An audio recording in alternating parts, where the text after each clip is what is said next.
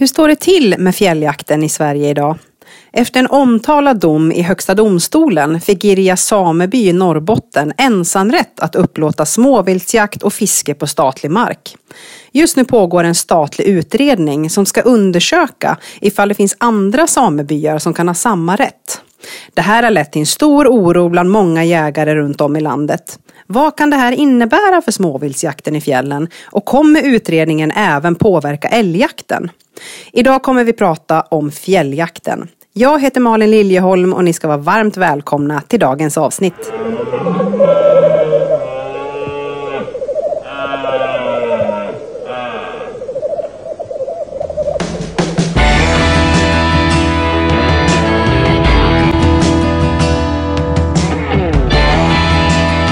Då ska vi hälsa våra kära lyssnare varmt välkomna till avsnitt nummer sju i podden På jakt med Jägarförbundet. Idag ska vi reda i frågan fjälljakten. Omtalad fråga som väcker eh, väldigt mycket känslor och funderingar säkert som vi hoppas kunna reda ut idag. För att göra det här så har jag bjudit in två eh, eminenta kollegor som har lång erfarenhet inom ämnet och även stor kunnighet i de här frågorna som jag tänkte ställa till dem. Eh, jag har bjudit in Gun Falander som är ordförande i Svenska Jägarförbundets fjällråd och Hans Geibrink som är nationellt ansvarig för fjälljaktsfrågor på Svenska Jägarförbundet. Välkomna hit idag hörni. Tack så mycket. Tackar. Jag tänkte att ni ska få presentera er själva lite mer. Eh, Gun, vi kan väl börja med dig. Mm. Gun Fallander som sagt. Jag har då fått förtroendet att vara ordförande i Jägarförbundets fjällråd som bildades för drygt ett år sedan, eller ett och ett halvt år sedan kan man säga. Eh, jag bor eh, i Jämtland, i östra delarna av landet, i min hemgård där kan man säga. En liten by som heter Selet och jagar där på plats mestadels. Då, eh, och har väl fått med mig jakten från, från barnsben, även om det kanske inte var så vanligt på den tiden att tjejer hängde med de här äldre. Men så, så blev det i alla fall och den blev ju starkare med åren för min del. Är det någon jaktform som du brinner lite mer för än andra? Eller? Det, för mig är det väl mestadels älg och björn och lite småvilt sådär också. När tid finns. När vi inte jobbar med det vi jobbar med. Så att. Absolut. Exakt. Hans, välkommen hit. Vill du presentera dig lite mer? Ja, eh, jag kan säga att jag har jobbat länge på Jägarförbundet, tillbringat tio år i Jokkmokk och ytterligare tio år i Luleå. Där var det väl då som mitt, mitt intresse för fjälljakten startade och jag håller på med det sedan dess. Mm. Nu bor jag nere i Västerbotten. Hur länge har du jobbat med, med fjällfrågor? Liksom? Hur länge har du varit aktiv inom det? Om jag säger ordentligt sedan 84. Mm. Så jag började på ett tag. Ja, det är ett tag. Det är mm. ungefär lika, lika länge som jag är gammal. inte alls länge med andra ord, säger vi. Nej, Nej alldeles nybörjare. Ja. För dig också med frågan om jakt då. Vad, vad tycker du är bäst? Fortfarande så är det nog så att jakt med stående fågelhund på fjället är det jag tycker är bäst. Eller trevligast, eller vad man ska säga. Ja. Som fågelhundsuppfödare så kan jag inte göra annat än att instämma starkt såklart. Men alla jaktformer har ju sin, eh, sin charm, det vet vi ju. Helt klart. Såklart. Men hörni, Idag ska vi prata om fjälljakten.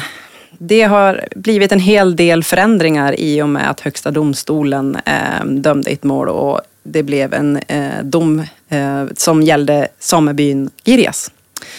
Jag tänker att vi ska reda i det här lite mer längre fram. Men först tror jag att vi ska börja lite från början med liksom historiken med, med fjälljakten och vad är fjälljakt och vad innebär det och vem får jag och så vidare. Så jag tänker att vi, jag har fått lite frågor för, för lyssnare och medlemmar så jag tänker att vi tar några av dem och så börjar vi där och så ser vi vart, vart samtalet lider så att säga. Ja. Men vi börjar så här, vad, fjälljakt, vad är fjälljakt? Vad innebär det för sorts jaktformer? Ja, för de allra flesta så då är det ett, eller börja med ett beslut som regeringen tog 92-93. Där man beslutade om att eh, småviltjakten på statens marker i fjällområdet skulle vara öppen för alla. Eh, och de allra flesta menar med fjälljakt att man jagar med stående fågelhund på fjället. Men att eh, det har blivit mer och mer också att folk med träskällare jagar där uppe, folk med sövare och så vidare. Mm en ganska, en ganska vitt begrepp. Och för ortsborna så är ju även älgjakten en del av fjälljakten. Då. Ja, såklart. Eh, men eh, du nämnde lite grann här, vad finns det för olika jaktformer då när det är fjälljakt? Liksom, vad är de vanligaste jakten är på fjället? Den vanligaste är jakt med stående fågelhund. Mm. Men även trädskällare och sen, jag tänker vårjakten på, på ripa? Ja, den är inte lika stor men Nej. att minst lika fascinerande jakt. Just att jaga på skidor på, med, med finkalibrig studsare på fjällripa. Ja, och väldigt engagerande med tanke på reaktionerna som blev när jakttiden kortades ner med en månad här nu när nya jakttiderna kom och som tur var blev, blev ändrade igen. Men då mm. såg man ju vilket engagemang det fanns också i den jaktformen ja. i fjällvärlden. Mm. Jo, så den som inte har provat på den borde testa den. Ja, verkligen. Mm. Men du, vilka områden innefattar fjälljakten egentligen? Det omfattar, nu blir det lite petigt, men man säger statens marker ovan odlingsgränsen i norra Västerbotten plus på renbetesfjällen i Jämtland. Vilket omfattar ungefär en tredjedel av Sverige. Jag tänkte precis säga det, det är en hyfsad yta vi pratar om. Man jagar inte över det på en livstid. Nej. Men är det bara fjäll det här eller är det annan mark? Mycket skogsmark. Men hur, vilka har rätten idag då att jaga på fjäll eller utöva fjälljakt helt enkelt av olika slag? Vi har ju två grupper då. Samebymedlemmar, de har då en rätt att jaga på, på året runt markerna inom sin sameby. Men att då från och med 93 så kan då stort sett vem som helst, i vart fall boende i Sverige, de kan då lösa ett jaktkort via internet och fara ut och jaga. Vem är det som har hand om det här? När, vi, när du ska lösa jaktkort, vart gör du det och vem, vem hanterar det? Hanteras av en hemsida som heter Nature IT. Men att det är då länsstyrelserna som är ska säga, huvudman för, för upplåtelserna. Och är det så här nu att varje eh, svensk bodd får gå ut och fortfarande köpa statligt jaktkort på de här eh, områdena eller har det förändrats någonting den senaste tiden? Ja, inte statligt jaktkort men jaktkort. Ja, ja så är det. Precis. Eh, men Hans, eh, innan 93 då? Hur såg det ut då? Vem fick jaga och vad fanns det för, för möjligheter? Det var ju fortfarande möjligt att jaga alltså. Det var då också länsstyrelserna som förvaltade det där. Men att det man gjorde 93 var att man ändrade i lagen från att Länsstyrelsen får upplåta jakt till att Länsstyrelsen ska upplåta jakt. Före 93 så kan man säga att för framförallt boende utanför fjällområdet, den behövde antingen goda kontakter eller gott om pengar. Så det var svårt att få tillstånd. Eh, undantag var väl då egentligen i till exempel fjällkommuner i Norrbotten där olika föreningar då arrenderar mark för där kommunbor kunde jaga på ett enkelt sätt. Mm. Där då kanske Kiruna Jakt och Fiske den var det mest kända. Just det. Gäller, gäller det samma sak för fisket? Ja, nu gäller samma sak för fisket. Ja. Mm, från 93 då? Från 93. Ja, just det. Mm. Men innan var det lite samma premisser som för jakten då, eller? Det var, det var lättare att lösa fiskekort ja. Även före 93. Mm. Så man hade en, mer, en friare syn på att släppa fisket. För är det inte så att jakten och fisket det går väldigt mycket hand i hand? Oftast är det samma personer, att man tar med sig även fiskespöet upp på fjället likväl som, som hagelbössan kanske. Ja, så är det ju. Mm. Det är klart. Så det är verkligen ett gemensamt intresse där mm. som hänger ihop.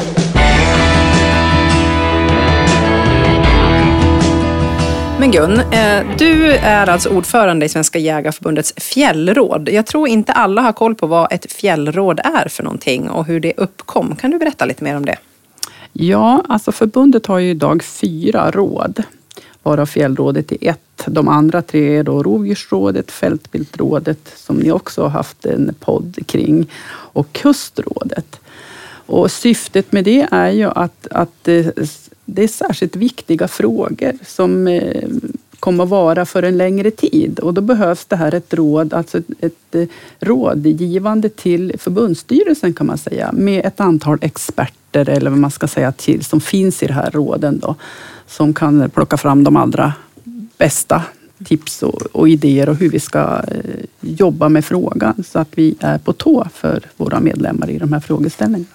Det har också funnits, ska jag säga, tidigare ett fjällråd eh, längre tillbaka, men det här nybildades då i mars 2021. Då. Efter Girjasdomen? Ja, efter Girjasdomen då såg man från förbundet att vi behöver göra något. Vi behöver sätta ner fötterna i det här och, och driva de här frågorna ytterst för våra medlemmar såklart då, mm. på, på allra bästa sätt. Kan du berätta lika, vilka som är med i det Är det bara, eh, bara och bara, från, från Jägarförbundet som är med i det här rådet och, och hur, hur många är ni och vilken sammansättning av personer det är? Kan du berätta lite mer om det? Ja, i rådet är vi totalt 12 personer. Och då är det ifrån om fjällområdena, alltså länsföre- Svenska Jägareförbundets länsföreningar får utse varsin representant från Norrbotten, Västerbotten, alltså från Mittnorrland, Jämtland, Västernorrland och Dalarna. Och ytterligare en representant som finns från våra länsföreningar då, i förbundet. Sen har vi då experter på juridik och experten som vi har med oss här idag, Hans. Och sen har vi kommunikationsdelar med och ytterligare personalresurs ifrån Jägarförbundet så att vi är riktigt på tå i de här frågorna. Mm. Men när ni ses till exempel nu då, eh, vad, vad pratar ni om? Vad gör ni? Vad är er uppgift? Ja, just nu är det ju fokus på fjälljaktfrågan. Annars kan det ju vara andra fjällrelaterade frågor såklart som har med fjälljakt att göra. Men det upptar ju bara tiden med just fjälljaktfrågan för tillfället. Då. Eh, vi tittar på vad vi behöver göra just nu, vilka åtgärder vi behöver vidta och så vidare. Och informerar rådet och lyssnar av ifrån varje område. Hur, hur, vad är det som händer? Vad, vad ser ni för problem just i ert län? Och, och bland era medlemmar. Så att det är rätt så öppna agender och så komma fram till vad behöver vi göra nu för att eh, se till att vi får den jakt vi vill ha, i det här fallet på fjälljaktsidan. Då. Förs det liksom dialog med andra intressenter också eller är det intern process det här i Svenska Jägareförbundet? Eller hur? Det här är ju mer en intern process och så sen, vi kommer ju fram till förslag då, som vi lämnar till förbundsstyrelsen och avrapporterar och, ta, och ger råd vad vi tycker att förbundsstyrelsen ska besluta om. Mm. Viktiga frågor i den här frågan med andra ord då, som, som ja. ni vill driva framåt för ja, jamen, medlemmarna framför allt. Ja. ja.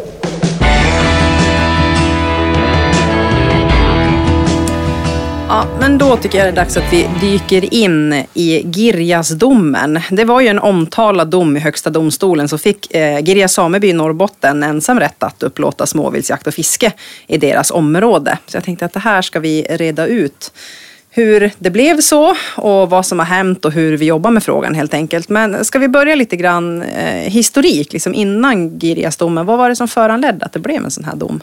Eh, man kan säga så här att under en, under en lång tid och framförallt då efter 93 så har då olika kan man säga, samepolitiker drivit frågan om att rätten till att jaga och fiska på fjället är någonting som tillkom samebyarna och inte någonting som markägaren staten kunde själv besluta om hur det ska, vem som ska få nyttja. Så att de diskussionerna har pågått länge.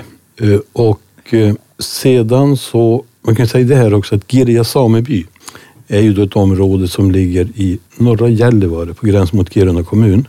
Eh, och det området valdes ut av Svenska Samernas Riksförbund att bli så att säga ett pilotprojekt där man då skulle i domstol försöka få rätten till att jaga och fiska, att äga jakten och fisket i, i sitt fjällområde. Vet vi varför just det var Girjas? Jag tänker hur, hur ser området ut och hur stort är det? Och...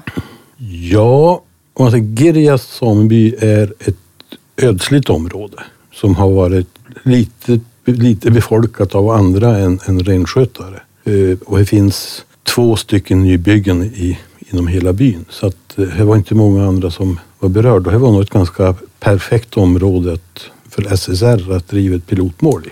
Vet vi hur många eh, samer som bedriver rennäring eller äger renar som, som verkar i området ungefär?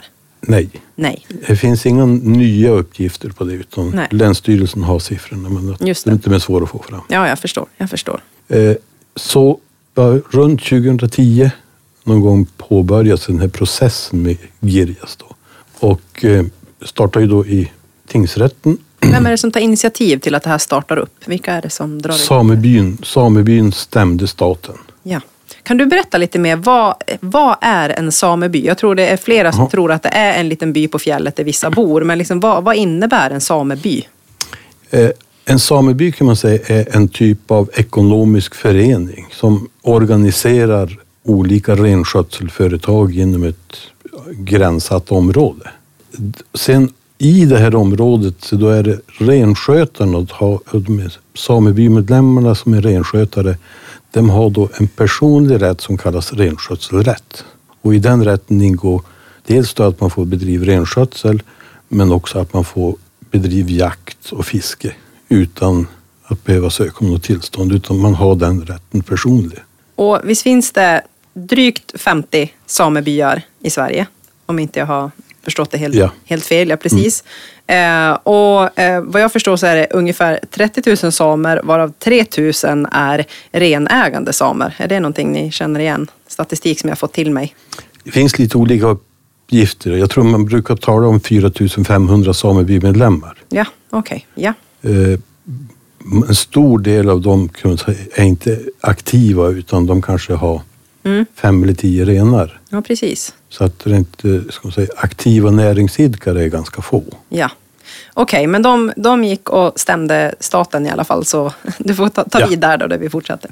De lämnar in stämningsansökan till staten och eh, stämmer man staten då är det justitiekanslern som är statens försvarsadvokat eller vad man ska säga. Så att här hamnar man då på JK och eh, JK begärde då anstånd och anlitade också en advokatbyrå som jobbade mycket med det här och tog fram ett enormt faktamaterial kan man säga. Efter domen i tingsrätten som var konstig kan man säga. Han var ingen som riktigt förstod vad han innebar. Ja, någonting av typ att samerna hade en rätt men staten skulle upplåta den. Men eh, varken staten eller samebyn var nöjd med den så att det överklagades till hovrätten. Och hovrättens dom blev inte mycket bättre utan fortfarande så var det ingen som riktigt tyckte att det där var klart. Så att då överklagades det då också av båda parter till Högsta domstolen. Och Högsta domstolen kom då med en dom för snart tre år sedan. Januari 2020 tror jag det var. Där man då sa att eh, samebyn har bättre rätt än staten att upplåta småviltjakt och fiske inom deras året runt-område. Alltså det område där den får ha ren året runt. Men man sa också då från Högsta domstolen att det kunde finnas andra som hade likartad eller kanske till och med större rätt. Men i och med att målet då bara var mellan Girja sameby och staten så var det bara det man provade. Eh, och man sa också att domen gäller då specifikt för Girja sameby. Det var det enda område man hade prövat. Precis, det var lite min följdfråga här. Liksom, Är det här gällande då för eh, alla samebyar runt om i Sverige? Liksom, hur, hur har det utvecklats? Har det stannat vid Girjas område eller hur har det sett ut? Ja, det HD sa var ju att det här gällde Girjas. Ja, Eh, där kunde man säga att nej, jag har inte stannat där. Eller man kan säga först och främst den här processen för mellan att eh, man startade upp den här processen till det blev en HD-dom, det tog drygt tio år. Så att det var ju en Ja, lång de tid satt, som ja. där. Ja. Det här har inte stannat där utan eh, i och med den här domen som då kom så då kunde man ju konstatera att den gav sameby, eller Girja sameby en rätt till jakt och fiske som inte stämde överens med vad som står i rennäringslagen. Och därför måste renär, rennäringslagen göras om. Vilket ju är fullt logiskt. Och rennäringslagen han kom 71 så man menar att dessutom behöver mo- moderniseras. Så att det på tiden med en, en översyn.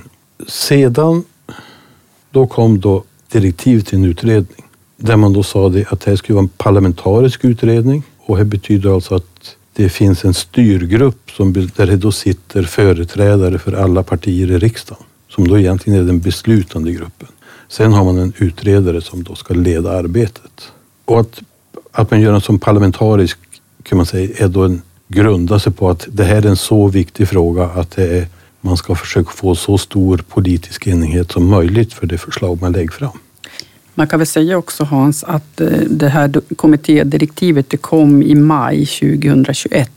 Ja. Och det var också därför som vi sa tidigare som förbundet bildade Fjällrådet för att kunna ha, bevaka det här på, på ett, ett bra sätt. Ja, och vi har och hade också en hel del synpunkter på det här direktivet i och med att man där då säger att domen i Girja ska vara vägledande för arbetet för hur det ska se ut i hela landet. Och det är egentligen ingenting som HD har sagt utan lite grann en övertolkning.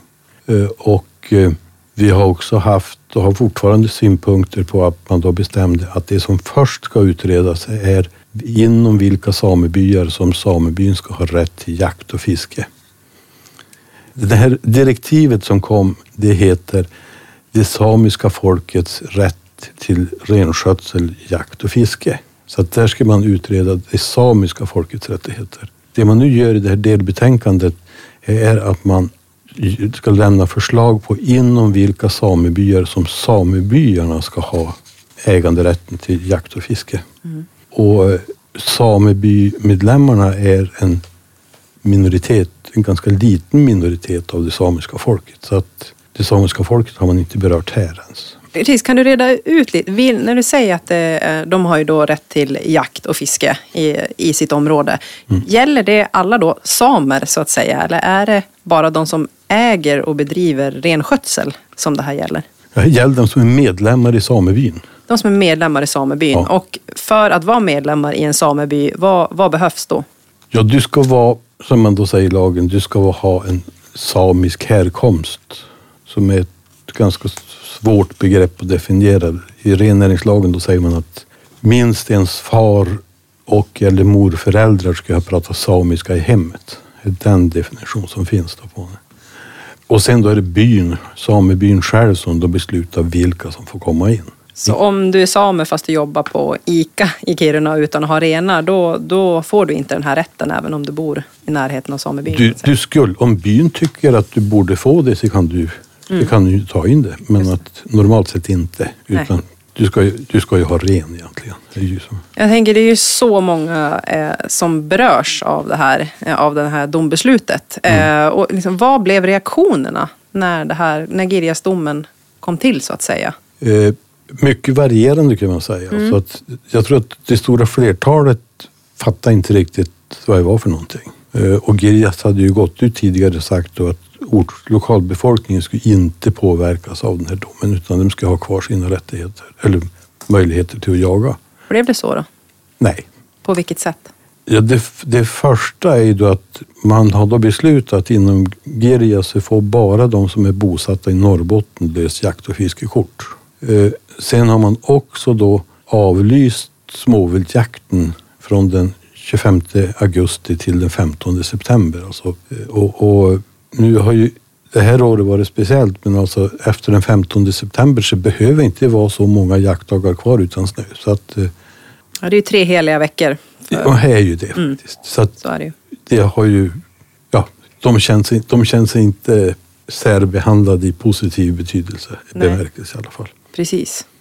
Nu har de ju kvar, de har ju by, övriga byar är det ju, ser det ju annorlunda ut. Då, mm.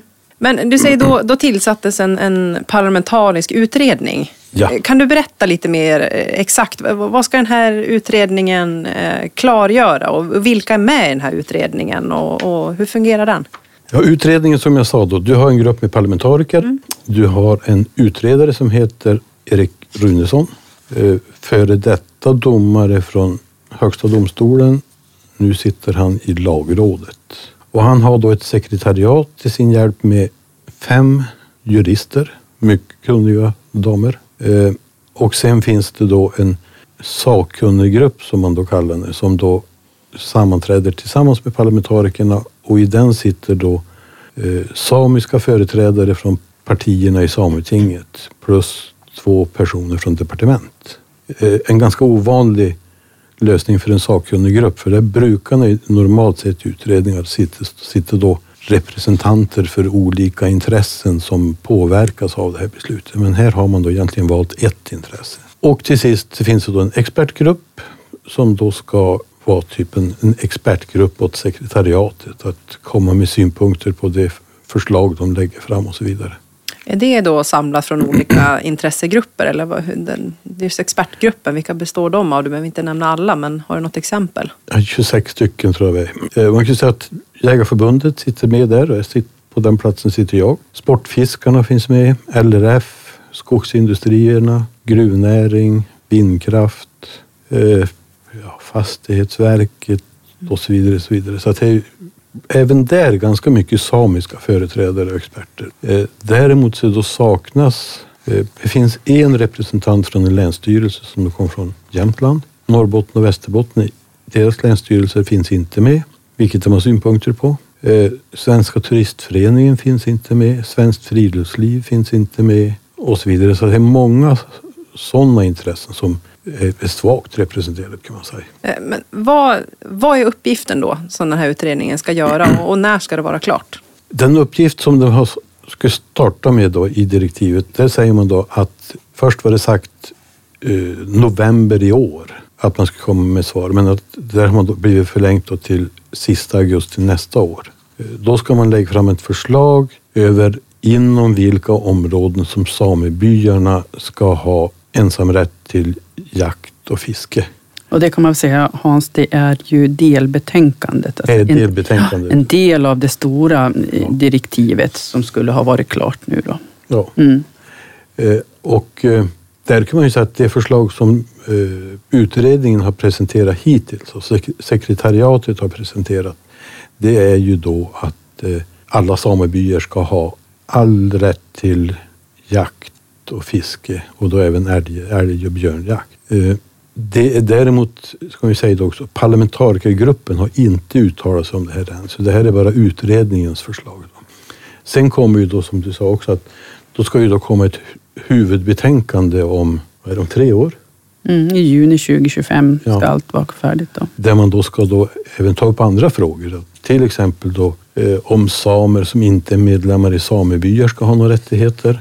Eh, och där tycker man ju säga där också, samiska folket, ett sånt där ord som ingen vet egentligen vad det betyder. Som jag sa, man tror att man brukar säga att det är ungefär 4500 samebyar, eller samebymedlemmar. Någonstans 9000 personer som har rösträtt i Sametinget. Och man brukar tala om att någonstans mellan 20 och 40 000 personer i Sverige räknas som samer. Eh, går man in på, det här är nu då forskare som har då sagt, att går du in och kollar på rent släktforskningsmässigt hur många som skulle kunna ha ett samiskt påbrå så är det minst någonstans mellan 100 och 200 000. Men det skulle kunna vara 300 och 400 000 också för att det vet man inte. För att i de här områdena så har olika grupper levt tillsammans under många hundra år och- blandat sig mellan varandra. Så att säga. Så att Och Hur har man räknat ut och, och bestämt? Vi pratade ju lite grann om det här, um, vad heter det, urminneshävd. Här, att, eh, Ja. Kan du reda ut det lite begreppet? För det tycker jag känns oklart. Ja, det är oklart kan man säga. Alltså urminneshävd är ju då en, en rätt som har, inte finns längre. Den, man plockar bort den i början på 70-talet. Men att eh, till, den tillämpas då fortfarande. Och det är egentligen att, egentligen, och den ska vara personlig egentligen. Så att om du och dina förfäder har gjort någonting under en mycket lång tid på ett område som alla har tagit för givet och tyckt har varit okej. Så då kan du då efter, jag vet inte om det är 60-90 år någonting, hävda att jag har, jag har ägt den här rätten. Eh, Men ett, ett, ett svårt begrepp att definiera exakt för att det Ja, det förstår jag. Ja, så att det, och, och som sagt var, om den rätten då i de, ändå svårare i de här områdena eftersom att renskötsel bedrivs över stora områden. Och här blir det blir lite grann en annan sak om det så att du och din släkt under de senaste 200 åren har fiskat i en viss kärn. Då kan man säga att då har ni rätt att fortsätta att fiska. Men, men i och med att den här rennäringen bedrivs på ett annat sätt så kan man inte säga att du har haft det, nytt, det intensiva nyttjandet så att säga. Och jag tänker att det är en sån enorm yta Ja, det är ju det. som då väldigt få eh, verkande kan få bestämma över både jakt och fiske då i, i det yttersta om det skulle bli om alla samebyar får samma rätt som Girjas tänker jag. Ja, förslaget är att de ska få en större rätt i och med att de ska även få älgjakt. Då. Ja, Men, men alltså i princip så då skulle det innebära att då är det ju styrelserna i de här samebyarna som skulle besluta om, om jakt och fiske. Det tycker vi inte är bra. nej. Men kan, det leder in mig på nästa fråga. Kan inte vi eh, fördjupa oss lite mer i vad Jägarförbundet tycker i den här frågan? Vad är de viktigaste ståndpunkterna för oss? Eh, vad är det vi driver och varför är det viktigt? Ja, vi såg ju hur det blev med Girjas och eh, det blev väldigt tydligt utkristalliserade sig tre frågor kan man säga, eller tre hjärtefrågor som vi valt att kalla det. För oss är det viktigt att jakt och fiskerätt ska vara eh, sammankopplade eller knuten till markägandet. Det är det ena. Och där är även svenska statens eh, marker, även på svenska statens marker. Och även då att som i övrigt att eh, staten i egenskap av markägare även ska förvalta jakt och fiskerätt, för så är det ju i övrig jakt, alltså som markägare. Och att småviltjakt och fiske på statens marker ovan odlingsgräns och på renbetesfjällen ska upplåtas till jägare till, som bor och fiskare som är bosatta i Sverige. Det är liksom tre delar i det här som, som vi har sagt ända från början att vi känner att det här är väldigt viktigt. För då ger vi den möjligheten till våra medlemmar och, och, och kanske även övriga som, som har, vill ha en möjlighet att fortsätta med, med det man brinner för. Att jaga och fiska jag tänker, det är många som säger men det är bara ett fritidsintresse och, och liksom bagatellisera lite grann mm. här, den här jakten. Jag tänker den här, hur otroligt viktigt det är för de som bor i norr Absolut. att få hålla på med just mm. jakt och fiske och vara ute i naturen. Att det är liksom mer en, mer en livsstil, ett sätt att vara än bara ett intresse. Eller hur? Ja, det är helt, helt klart så är det. det. det. är en stil, som, en livsstil helt enkelt som du säger. Och vi ser ju nu också, det är ju helt, ganska många som flyttar ut nu. Det såg vi efter pandemin här. Många yngre, många familjer som flyttar ut och då vill man ha man vill kunna utöva sitt naturintresse och i det här fallet kan det vara jakt, det kan vara fiske eller det kan vara något annat. Att vara i naturen blir mer och mer viktigt.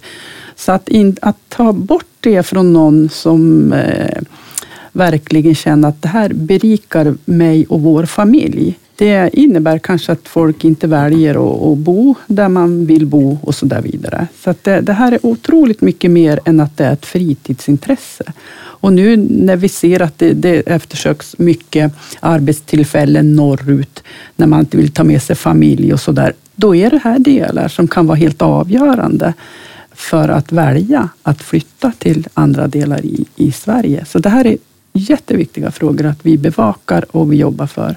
Ja, jag kan bara identifiera mig. Jag har ju själv flyttat från storstan eh, ut på landet och till hembygden för att just komma närmare jakten och en livsstil som jag vill ha tillsammans med min familj. Och skulle rätten till, till jakten då försvinna eller inte finnas längre, då, då kanske man försöker hitta andra sätt att, att, att roa sig på eller, eller spendera sin tid. Och det eh, har jag ju svårt att föreställa mig, ett, ett, ett, sådant liv såklart.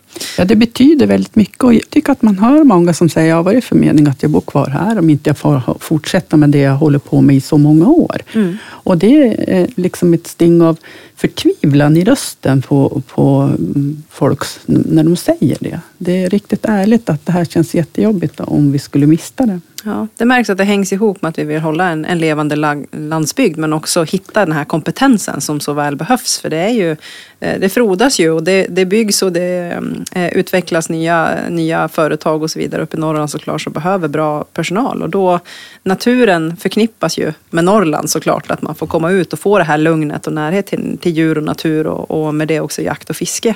Ja, och det är ett läkande på, eh, att finnas i, naturen. Eh, du mår ganska bra när man får sitta där och ladda batterierna och vänta på vad som ska hända en dag. Så det... Mm, precis.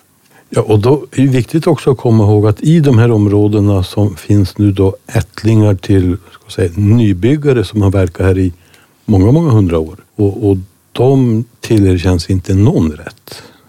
Vilket ju... Hade de behövt skicka in en, en egen stämning då?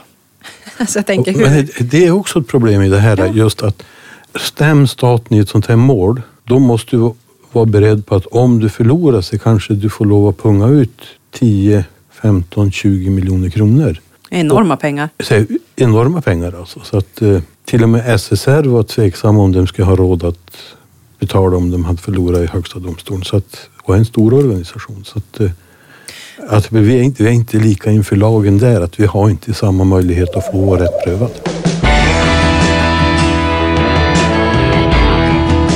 Men du nämnde tidigare, eh, det var en fråga som jag glömde ställa, det här att det var eh, de från Norrbotten bara då fick, eh, fick jaga. Ja. ja. Men om man är född i Norrbotten men har flyttat söderut ett tag, men brukar åka upp till mamma och pappa och så går vi ut på fjället och jagar fast jag bor inte där just nu. Hur funkar det för dem? Du kunde till och med ha kvar din fäderners gård men bo i Stockholm och då har du ingen rätt att jaga eller fisk. Det är där du är folkbokförd? Där är folkbokförd, ja. Men om jag flyttar till Norrbotten nu då? Då får du jaga och fiska. Då får jag det, så det är folkbokföringen ja. som styr? Ja. Men även om jag har haft eh, min släkt där i flera hundra år och inte bor där, så då är jag inte välkommen? Inte i Girjas. Jag tänkte vi skulle fylla på också det som vi har sagt från förbundet, förutom de här hjärtefrågorna jag nämnde tidigare, så är det, vi vill inte ta bort någon rätt för någon.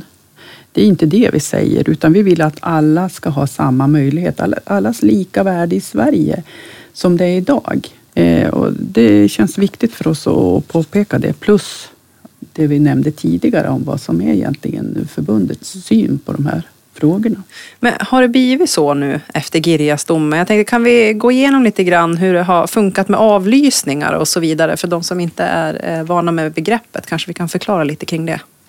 Ja, jag kan väl inleda, alltså, man säger runt Jämtlandsdelen, men jag tror även Västerbotten, Norrbotten, du får fylla på Hans, har det ju efter just Girjasdomen blivit otroligt mycket mer avlysningar. Vi får ju jobba hårt med att försöka att hjälpa våra medlemmar där som ser också en förtvivlan när du kommer och så har du inte möjlighet att jaga eller till och med alltså, du har löst ditt kort och så nästa morgon har du inte möjlighet att gå ut på fjället därför att det är avlyst.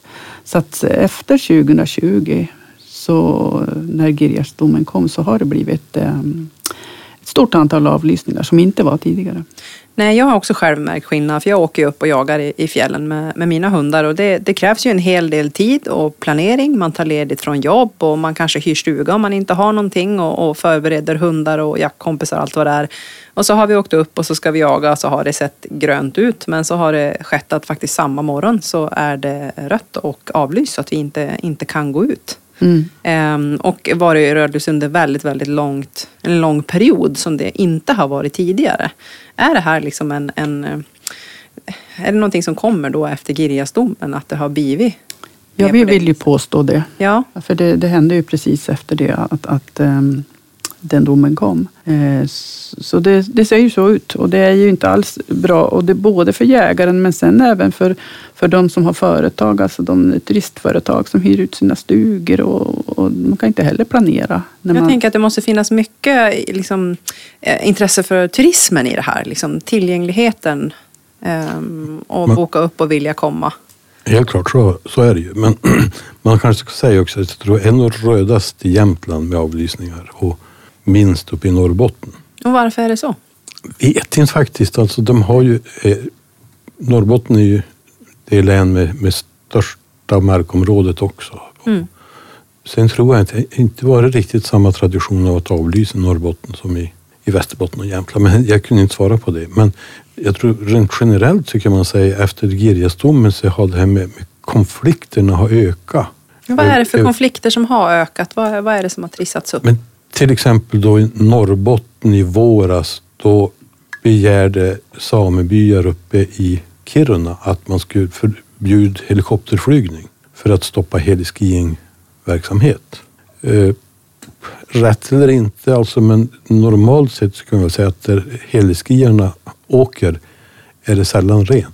Eh, men, men, eh, men man gjorde det och, och den verksamheten blev väl kan man säga spolierad den säsongen. Mm. Och vi har ja, i Jämtland då där samebyarna vill få bort turiststationer för man menar att det drar dit folk och att det blir en störning. Och, att, och mycket sånt här även kan säga, i vardagen, små saker som det, det blir, har blivit mer konfliktfyllt kan man säga. Mm. Och det är ju, är ju inte bra för någon.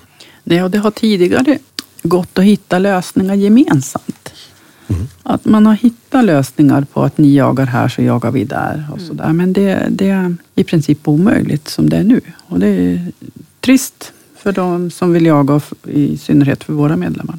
Ja, men det känns så tråkigt att det blir två motpoler mot där vi borde prata och samverka med varandra. Men det är ju i det yttersta så är det ju staten som har har tagit det här beslutet. Så det är väl de någonstans som hoppas kunna få reda ut det här så att det hamnar på rätt köl så att vi samarbetar och på ett bra sätt istället. Eller hur, hur tänker vi? Ja, jag tycker man kan säga och, och faktum är ju att om man säger då, då det här systemet körde igång 93, då, då fick vi problem då det kom, eller rättare sagt, här, direkt då det här startade så var det stora protester inom vissa områden från samebyar. Och då tror jag att många renskötare var ärligt uppriktigt rädd för vad som skulle komma. Alltså skulle nu komma hundratusen utlänningar och översvämma fjället. Men här upptäckte man att så blev det ju inte, utan det fungerar ju bra. Sen var det ett problem där ett tag med att kom framförallt mycket norrmän och italienare. Eh, men då togs ju då beslut om att ge länsstyrelserna möjlighet att begränsa dem. Så att jag skulle säga att fjälljakten har egentligen varit otroligt konfliktfri. Det finns alltid, finns alltid idioter som hittar på dumheter och gör fel. Och men att på det stora hela har det fungerat otroligt bra. Ja, men jag, min syn av jägarna och fjälljägarna är att de älskar ju naturen och de älskar djuren och har en stor respekt för det och också en stor respekt för att man ska absolut inte såklart störa, störa renarna. Så liksom ser man en ren då, då vänder man ju på klacken och går åt andra hållet även om man vet att man har hundar som respekterar ren såklart. Men just att den där respekten finns ju så frågan är liksom, finns det något mer eh, forskning eller liknande som tyder på att jakten stör rennäringen? Alltså vad, vad grundar det här sig i? Nej, utan mycket är subjektivt. Alltså man, nu talar man mycket om att jägarna och andra stör renens betesro. Eh, Ett uttryck som ingen vet vad är. Nej, vad innebär betesro då? Ja, att den ska kunna få äta i fred. Och, och jag då kollat upp med bland annat SVA som ställt sig helt frågande till och menar att renen är förmodligen det minst störningskänsliga klövdjur vi har. Eh, och så vidare. Men att, eh, det är subjektiva be- begrepp alltså som, är, som används. För att, eh, Dels att de flesta jägare sköter sig bra. Och som du säger, har man en hund som man vet jagar ren, då far man helst inte upp på fjället och släpper den där. För det är ju ingen Det är ingen det är poäng. ju bara bortkastade pengar på alla sätt. Och, eh, Så att, att hantera det bra. Och vi har ett ganska strikt regelverk om vilka, vilket hänsynstagande du ska ta både för ren och för ja, slaktanläggningar och stugor och allt sånt där som finns. Så att, eh, jag tror därför att det har fungerat bra och skulle kunna fortsätta fungera bra också. Men om vi tar en liten nulägesrapport då. Nu är vi här idag och sitter och pratar fjälljakten. Vad, vad är nästa steg? Vad kommer härnäst framöver? Ja, Renmarkskommitténs delbetänkande är väl det som är mest aktuellt nu. Eh, som ju då senast ska vara inlämnat sista augusti nästa år. Eh, så att kommitténs arbete skulle jag säga att det, den går mer och mer nu från att ha varit juridisk, som den har varit hela vägen tills nu, till att bli politisk.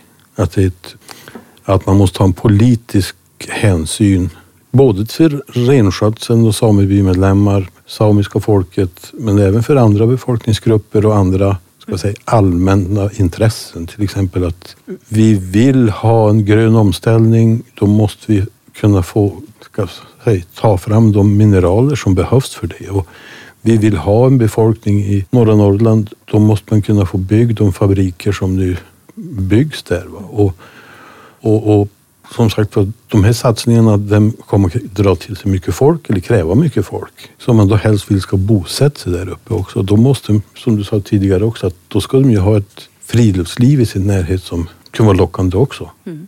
Man kan väl säga också, det, det, kommittén tar ju fram ett antal promemorior. De följer vi ju noggrant vad som står och vart det bär iväg och lämnar också synpunkter på, så, på sådana som, som tas, materialet som tas fram.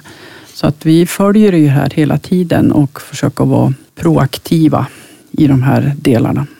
Ja, men ni säger att det är mycket politiskt nu och vi har ju bytt regering här precis. Vad, vad säger våra politiker eh, idag om den här frågan? Det var ju utfrågningar av partiledare i direkt samband med regeringsbildningen och, och då var man ju ganska, uppfattade jag som att samstämmig just att det här är en viktig fråga som inte bara går att sopa under mattan. Så att, eh, eh, de verkar ju se allvaret, allvaret i det här och att vår statsminister sa ju bland annat att, att även i de här områdena så markägaren, han äger jakten och fisket. Mm. Så det är upp till bevis. Det är upp till bevis nu, ja. Det var ju övervägande positivt kan man säga i de intervjuerna. Som vi såg det då i alla fall. Det är ju sånt här vi får följa och följa upp med de som ska besluta i frågan. Och det är ju faktiskt också intressant att många av dem där var ju Sameradion. Som jag måste säga tycker gjorde mycket objektivt arbete med de där frågorna i alla fall. Det låter ju lovande. Ja.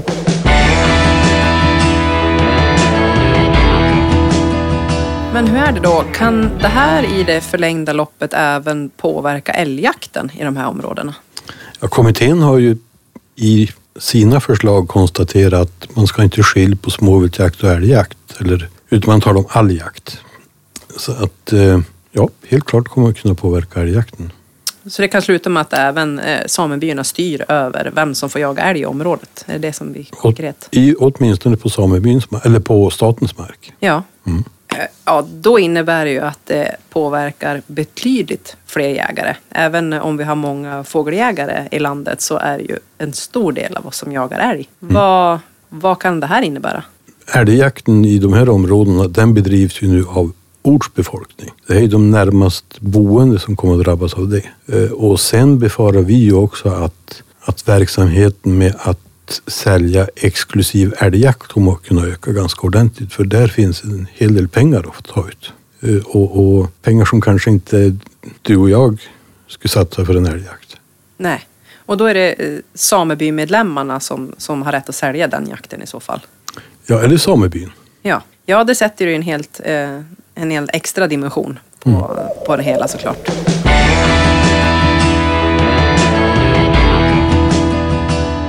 Eh, men eh, våra lyssnare nu då, medlem eller icke-medlem, om de vill vara med och påverka och göra någonting och de känner ju verkligen det här är ju superviktigt för mig. Eh, vad, vad, kan de göra?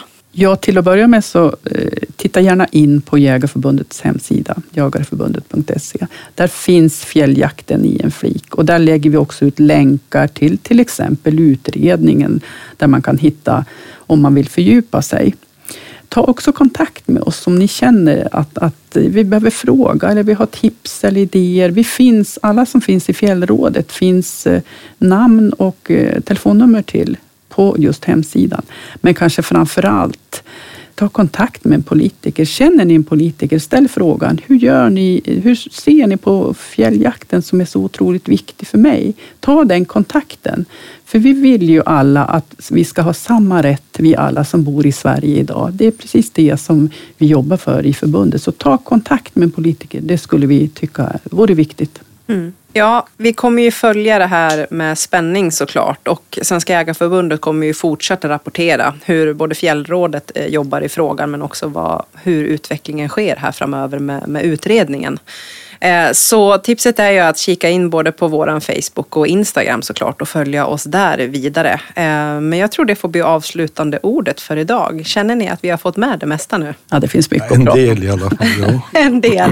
Men då är det ju bra att ni finns ju tillgängliga om våra lyssnare har flera frågor eller funderingar eller vill vara Just. med och engagera sig eh, och bidra såklart. Mm. Vilket alltid behövs mer av. Tack snälla Gun och Hans för att ni har rest så långt och komma hit och prata med mig idag och prata fjälljakt. Det har varit helt suveränt. Tack själv. Tack själv. Kära lyssnare, tack för att ni har lyssnat. Häng kvar för lite snabba fakta om fjälljakten. Men tills dess och nästa avsnitt, ta hand om er i skog och mark. Vi hörs, hej hej! Jägarkollen, snabbfakta om dagens ämne avfyrad på 30 sekunder. Visste du att forskarna har följt riporna i fjällvärlden i över 30 år och konstaterat att jakten inte har en negativ påverkan på hur ripstammen utvecklas? Under hösten sker en stor omfördelning av dalripor i fjällvärlden och speciellt hönorna kan i samband med lövfällningen flytta upp till 3 till 4 mil från de plats där de kläcktes. Och visste du att den svenska fjällkedjan även kallas skandinaviska kaledoniderna och att berggrunden i Skottland och Irland är en del av samma bergskedja? Förberedelse är A och O i fjällvärlden. Vädret kan växla mycket snabbt och gå från klart och lugnt väder till raka motsatsen. Inom en väldigt kort stund kan det vara omöjligt att orientera sig visuellt, svårt att följa markerade leder och även svårt att åka skidor i medvind. Och visste du att det blir mer och mer populärt att jägare med stövare från de vargdrabbade sydliga och mellersta delarna av vårt land väljer att åka norrut och jaga skogshare?